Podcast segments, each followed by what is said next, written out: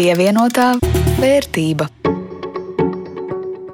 Sveicināti! Ētrā jaunākais raidījums par naudu un ekonomiku, pievienotā vērtība ar to studijā Jānis Ramāns no Latvijas radio un Rudīts Pakauska no Latvijas televīzijas. Šodien par enerģētisko neatkarību un kā dzīvot bez Krievijas gāzes. Protams, arī par to, kas notiek kapitāla tirgos, un ar investoru acīm paskatīsimies uz Igaunijas uzņēmumu Tallink. Viņa darba pēdējos gados nopietni skārus pandēmiju. Bet vispirms īsi par aktuālo. Pievienotā vērtība.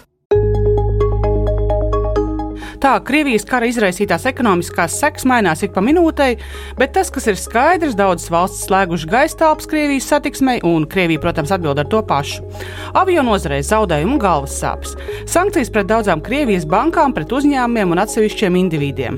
Un pēc Vācijas un citu iebildēju pielaušanas vairākas Krievijas bankas arī atslēgtas no SWIFT sistēmas, kas nozīmē, ka, ja vēl Krievijas iekšēnē var izmantot viņu pašu starpbanku informācijas apmaiņas sistēmu, tad saņemt maksājumus no ārzemēm vai maksāt uz ārzemju bankām būs visai grūti. Jebkurā gadījumā es teiktu, ka ikvienam uzņēmumam un arī privātpersonai šobrīd jārīkojas ar pieņēmumu, ka ekonomiskā sadarbība ar Krieviju, nu un visticamāk arī ar Baltkrieviju, beigsies. Pat ja vēl uzņēmums šobrīd nav sekojis ļoti daudz Latvijas uzņēmumu, piemēram, un pats pārtrauc šo sadarbību.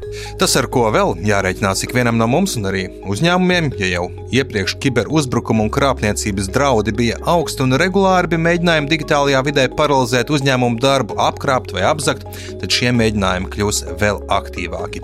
Jo tā ir vēl viena fronte Krievijas karā pret rietumiem. Jā, nu vēl ir laiks pārbaudīt, vai visas digitālās durvis ir aizslēgtas un vai atslēgas no pakārtas uz āķīšanu tādā visiem redzamā vietā.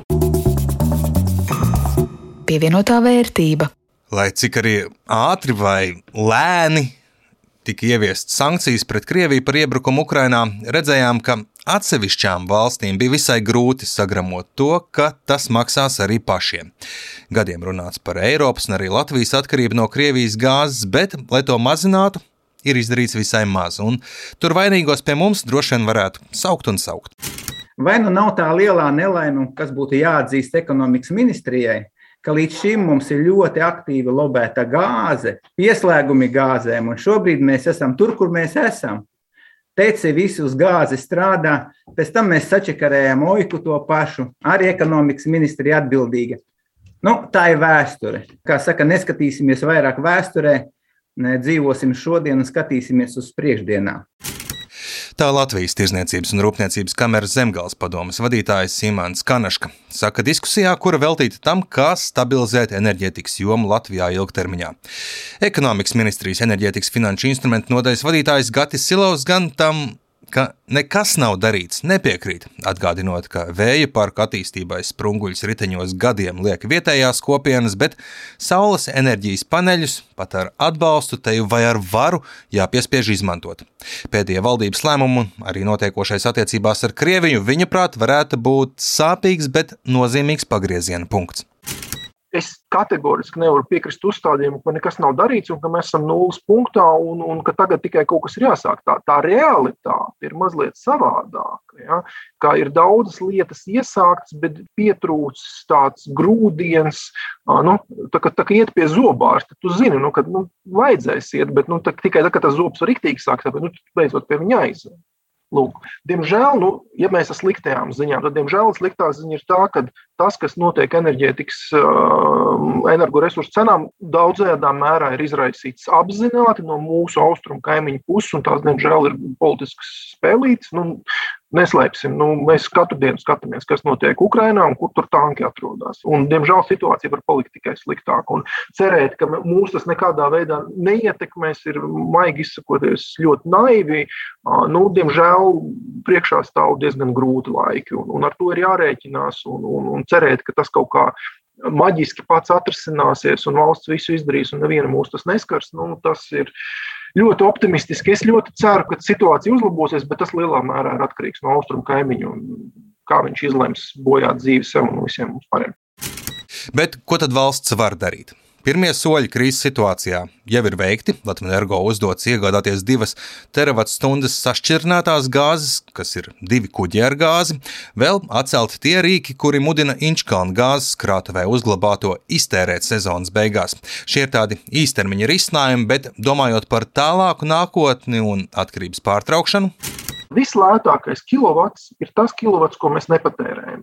Un, ja mēs varam nepatērēt un nepirkt no Krievijas gāzi, vai naftu, vai degvielu, tas ir pats labākais, ko mēs varam izdarīt. Jo tad mūs īstenībā nekas neietekmē. Īstenībā mums ir viens veids, kā norobežoties no visām problēmām, vienkārši nepatērēt enerģiju. Protams, nav iespējams nepatērēt vispār. Nu, mūsu klimatiskie apstākļi un ekonomiskās attīstības līmenis to nepieļauj, bet mēs varam daudz, daudz efektīvāk viņu izmantot un ievērojami samazināt patēriņu. Un, principā, patēriņu arī var attiecīgi pie būtiski samazinājuma. Ir iespējams arī diversificēt, jo, kā mēs zinām, lai arī tīri teorētiski mums ir gāzes struba ar Krieviju, bet praktiski caur Lietuvu ar kuģiem arī gāzi var pievērst. Tieši tāpatās, kā, piemēram, elektrība ir starpsavienojuma ar Skandināviju, tieši tāpat, piemēram, naftas produkts ir iespējams ar kuģiem atvest. Līdz ar to, nu, lai arī mums tā Krievijas ietekme ir ļoti liela un ļoti jūtama un izslēgt mēs viņus simtprocentīgi nevaram, bet samazinot patēriņu un diversificējot avotus, nu, principā mēs varam šo krīzi pārdzīvot. Līdz ar to galvenais, galvenais uz ko ekonomikas ministrija vērš uzmanību un pie galvenais, pie kā viņi strādā, ir tieši patēriņa samazinājumi, kas principā ir vārds energoefektivitāte. Līdz ar Eiropas Savienības zaļo kursu ir gana daudz un dažādi finanšu instrumenti, ko šobrīd vai vai jau pavisam drīz uzņēmēji varēs izmantot, lai kļūtu energotaupīgāki vai zaļāki, ministrija aicina izmantot šīs iespējas. Uzņēmumu, kurš palīdz citiem uzņēmumiem kļūt energotaupīgākiem, RCG Lighthouse valdes priekšētājs Kaspars Osis gan par šiem ekonomikas zaļināšanas plāniem ir skeptisks. Tie energoresursu cenas nesamazinās, jo īpaši nozarēs, kurās bez dabas gāzes grūti iztikt. Kaut kādā mērā Inčukalns eh, ļauj cēnu amortizēt, bet, nu, ja mēs skatāmies uz nākamo ziemu, tad jau šobrīd ir skaidrs, ka viss būs slikti. Un sliktā lieta, ka no gāzes migrēt uz kaut ko citu, ir nu, diezgan sarežģīta. Nevar ar malku dabūt uh, augstas temperatūras, jo īpaši ražošanā, kas ir pārtikas ražošana, kas ir stikla šķiedra, entās lietas. Un šī lokālā versija, ka būvējot vēja parkus vai tam līdzīgi, mēs kaut kā tirgus cenu dabūsim zemāku, nu, viņi, protams, nav atbilstoša realitātei. Labākajā gadījumā, ko Latvija var izdarīt, ir izlīdzināt cenas ar pārējo reģionu, bet uh, ietekme kaut kādiem atsevišķiem projektiem uz uh, reģionu cenu veidošanos nu, pilnīgi noteikti nebūs uh, vērā ņemama. Tā kā risks ir tāds, ka tiks uh, daudz naudas iztērēts atbilstoši tiem laikam esošajiem lēmumiem, bet līdz patērētājiem reāls efekts nenonāks. Tāds lūk, pesimistisks skatījums tam, ka ir bezizēja un risinājumu nav, gan nepiekrīt Andris Vanaks, zaļās enerģijas uzņēmuma Grena Latvija valdes priekšsētājs. Viņuprāt, ir jāturpina virzīties prom no gāzes tajās nozarēs, kur to var izdarīt, uz resursiem, kuri mums pašiem viegli pieejami. Un uh, siltums ir tas, ko mēs Latvijā patērējam, ņemot vērā geogrāfisku atrašanos vairāk, divas trešdaļas vairāk nekā elektroenerģija. Un mājsaimniecībām un uzņēmējiem siltumenerģijas izmaksas ir uh, daudz būtiskākas. Kopā gadā tās sastāv lielākas izmaksas. Un uh, to, ka mēs izmantojam Latvijā Latvijas resursu, kas ir koksnes eh, veida biomasa siltumenerģijas ražošanai, un ka tam būtu jābūt arī uzsvaram uz priekšu, tas ir neapstrīdami, un šim mugurkaula elementam vajadzētu būt iestrādātām visās enerģētikas politikas plānošanas dokumentos. Mums ir jāsamazina dabasgāze, Un eh, kamēr mēs politikas plānošanā nerādām modeļos, ka mēs samazinām dabasgāzes izmantošanu, bet mēs mērķi sasniedzam, plānojot, ka mēs patērēsim ar vien vairāk un vairāk enerģiju, tikmēr mums nav pareizi šie uzsvari. Skaidrs, pilnībā bez gāzes neiztiksim, bet tur, kur to varam, tas ir jādara. Apvienojumā ar energoefektivitāti arī tiksim pie ilgtermiņā stabilākas energo un siltuma apgādes, arī cenu ziņā. Protams, tas viss nozīmē investīcijas. Siltināšanā, tehnoloģija maiņā tas viss maksā un Latvijā uzņēmēji nelabprāt iegulda savu naudu, ja neredz tūlītēju atdevi un ātru atmaksāšanos. Piemēram, sakot, ka saules paneļi atmaksājas tikai desmit gados, tas esot par daudz. Ekonomikas ministrijas pārstāvis Gatis Silovs cer, ka šī nostāja Latvijā mainīsies. Ko nozīmē desmit gadu atmaksāšanās termiņš? Tas ir gandrīz 10% ienesīgums. Šobrīd bankas procentu likme ir nulle. Tad sanāk, ka cilvēki, kuri bankā varētu saņemt 0% par depozītu, viņi saka, zini, es neesmu ieinteresēts īstenot projektu ar 10% sīkumu. Absurds. Un tā pēc būtības ir tā mūsu lielā problēma, ka patiesībā sakot, 10% investīcijas, 10 gadu atmaksāšanās periods ir ļoti labs. Rietumē Eiropā cilvēki investē, ja atmaksāšanās periods ir 20, 30 gadi. Pie mums neinvestēja 10 gadi. Un tā ir tā problēma, ka mēs ceram, ka investīcija atmaksāsies trijos gados. Bet investīcijas enerģētikā, investīcijas energoefektivitātē, viņas ir ilgstošas investīcijas. Mēs neesam pie tā pieraduši. Bet, nu, tas ir lielā mērā izglītošanas un skaidrošanas jautājums, kad energoefektivitāte nav lieta, kas atmaksājas rīt. Tu ieguldi nākotnē. Tik tālu par investīcijām enerģētikā, bet kā ierasts ielūkosimies arī, kas notiek Baltijas kapitāla tirgu, kur, protams, bez sekām un reakcijas uz pasaulē notiekošo neiztikām, visās trīs biržās kritums, sākot ar Krievijas uzbrukumu Ukrainai, Baltijas uzņēmuma akcijas daudzi steidza pārdot. Galu galā esam gana tuvu Krievijai. Piektdien jau nedaudz zaudētais tika atgūts, bet visos tirgos ir mīnus. Nedēļas laikā Rīgas biržas indeks samazinājās par 2,8%, Viļņas un Tallinas biržā 3,2%. Godīgi sakot, ja parasti sekoja līdzi savam portfelim te vai ikdienu ieskatos, tad pēdējo nedēļu nemaz neskatījos. Tā jau stresu pietiek. Cik tev rudīt ieknāba portfelī aizdītā nedēļa? Nu, nav tik slikti, kā bijos. Portfeļa vērtība zem 400 eiro. Atgādinu, ka ieguldījām 300. Joprojām esmu plusā, bet tā kā šobrīd neplānoju nevienu no akcijām pārdot, tad mierīgi sēžu un ceru, ka situācija uzlabosies. Nu, Galu galā būtu diezgan naivi cerēt, ka situācijā, ka tepat kaimiņos karš, akciju tirgi nereaģētu. Jā, un arī es pēdējā nedēļā pat acis neiemetu savā portfelī, un ne tikai tādēļ, ka darba bija pāri galvai, bet arī, nu, lai lieki neuzdzītu stresu. Skatos tagad savā ieguldījumu kontā, ja pirms divām nedēļām kopējā vērtība bija mazliet virs 500 eiro, šobrīd tie ir 466 eiro. Un, ja tā padomā, varēja būt sliktāk. Lai gan, protams, nav patīkami redzēt, ka ieguldītā nauda sarūk, bet es gan paturprātā mums doto padomu investēšanas pirmsākumos par to, ka vai ieguldījums ir ar peļņu vai ar zaudējumu, nosaka pavisam vienkārši. Brīdis, kurā to pārdod un pārvērt atkal naudā. Ja ir vairāk, tā tad plusi, ja pārdeva par mazāk mīnusi. Šobrīd pārdot varētu tikai ar mīnusiem. Zaudējums gan tavā portfelī, Jāni, ilgstoši nes tieši viens uzņēmums - Igaunu prāmju operators Tallink, uz ko pandēmijas sākumā ļoti cerēja, ka tam pēc tās ies labi. Nu, kā tam iet tagad un vai vispār vērts ieguldīt, pēta Linda Zalāne. Igaunijas prāmju operators Tallink Group Tallinas fondu biržas oficiālajā sarakstā tiek kotēts vairāk nekā 28 gadus, un pērnu uzņēmumu akcionāru pulks bija vairāk nekā 37 tūkstoši. Lielākais akcionārs ir Igaunijas investīcija kompānija Infortar, kam pieder 40% Tallink Group akciju. Tallink Group veic pārvadājums ar prāmjiem Baltijas jūrā kopumā septiņos maršrutos.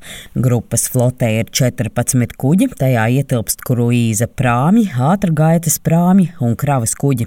Grupa pārvalda arī trīs viesnīcas Tallinā un vienu Rīgā. Tallinka grupa ir tāds tiešā un netieša nozīme, Baltijas biežas flagmans. Ieguldījuma eksperts Invilu pensiju fondu valdes priekšsēdētājs Andrēs Martīnos uzsver, ka uzņēmums līdz šim aktīvi tirgoja akcijas, protams, pandēmija radīja savas korekcijas gan pasažieru, gan kravu pārvadājumu jomā. Ceļšķi ņemot vērā to, ka Tallink ieņemumu struktūra ir tāda, ka nu, gandrīz vai puse, pat drusku vairāk nekā puse no ieņēmumiem viņi gūst no veikaliem, no preču tirnicības un no restorāniem un ēdināšanas biznesa. Nu, tad iet nu, pēc tā apjoma biļešu tirniecība, nu, tas krāvu vai pasažieru pārvadājumu. Pandēmijas radītie ierobežojumi uzņēmumam 2020. gadā radīja gan ievērojumu apgrozījumu kritumu, gan zaudējumus. Finanšu ziņā nedaudz labāks jau bija 2021. gads, kad Tallinn Group apgrozījums pēc provizoriskiem datiem bija vairāk nekā 470 miljonu eiro, kas ir par 12,8% vairāk nekā gadu iepriekš.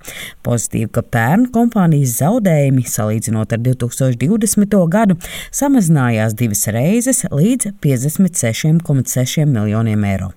Tallinn Group pagājušā gadā veica arī investīcijas vairāk nekā 20 miljonu eiro apmērā.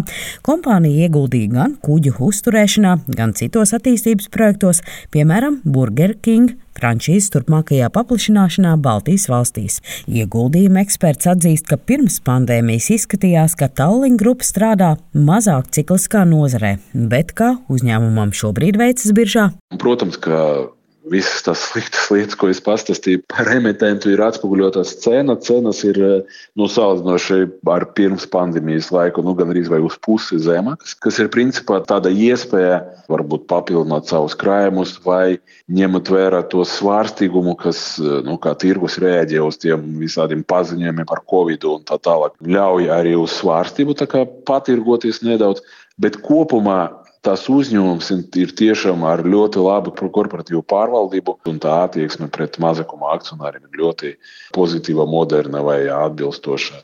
Uzņēmums pie pirmās izdevības, kā saka, līdz šim ir izmaksājis dividendus. Skaidrs, ka pēdējais dividends tika maksāts 19. gada par 18. Andrejs Martīnos prognozē, ka pārvarot grūtības un atgriežoties pie pozitīviem peļņas rādītājiem, uzņēmums atkal izmaksās dividendus. Gan ilgtermiņā, gan arī īstermiņa, pēc tam tirniecība ir ļoti aktīva, var tādos normālos apjomos gan iet, gan iziet. Nu, principā, kā jau teicu, nu, tas ir flagmanis, jā, un uh, pa lielam der jebkuram kas ir gatavs ieguldīt šajā nozarē. Un tic, ka šīs nozares atkopšanās ir neizbēgama. Faktu, ka uzņēmums strādā nišā, kurai ir pieprasījums Baltijā un Skandināvijā, apliecina arī Latvijas turismu aģentu un operatoru asociācijas prezidente uzņēmuma Vanilla Travel vadītāja Inga Kavaca sakot, ka minikruīzi savieno divas valstis, un tas ir svarīgi tiem Latvijas iedzīvotājiem, kuri vēlas doties ceļojumā uz Zviedriju, kā arī ārvalstu turistiem, kuri vēlas apskatīt Rīgu. Un neapšaubām tas ir svarīgi arī Latvijas pārvadātājiem, kuriem ir biznesa ar, ar Skandināviju. Nu, ļoti daudzas Eiropas eh, pilsētas ļoti labi izmanto šo kruīzu iespēju. Kas nodrošinot turismu plūsmu nes pienesumu pilsētai un valsts ekonomikai kopumā. Kavaca gan uzsver, ka Rīga pagaidām šo potenciālu izmanto nepilnvērtīgi, jo Latvijas galvaspilsētā nepiemērotās ostas infrastruktūras un loģistikas dēļ piestāja salīdzinoši maz kruīza kuģu. Linda Zalāne, Latvijas radio. Pievienotā vērtība. Ar to arī skan raidījums pievienotā vērtība. To jums sagatavoja Jānis Ramāns no Latvijas radio un Rudīts Pakoska no Latvijas televīzijas. Par labskaņu rūpējās Ulrichs Grindbergs. Uz tikšanos pēc nedēļas šo un citus raidījumus var atrast un noklausīties vēlreiz arī Latvijas radio mājaslapā un raidierakstu vietnēs. Pievienotā vērtība.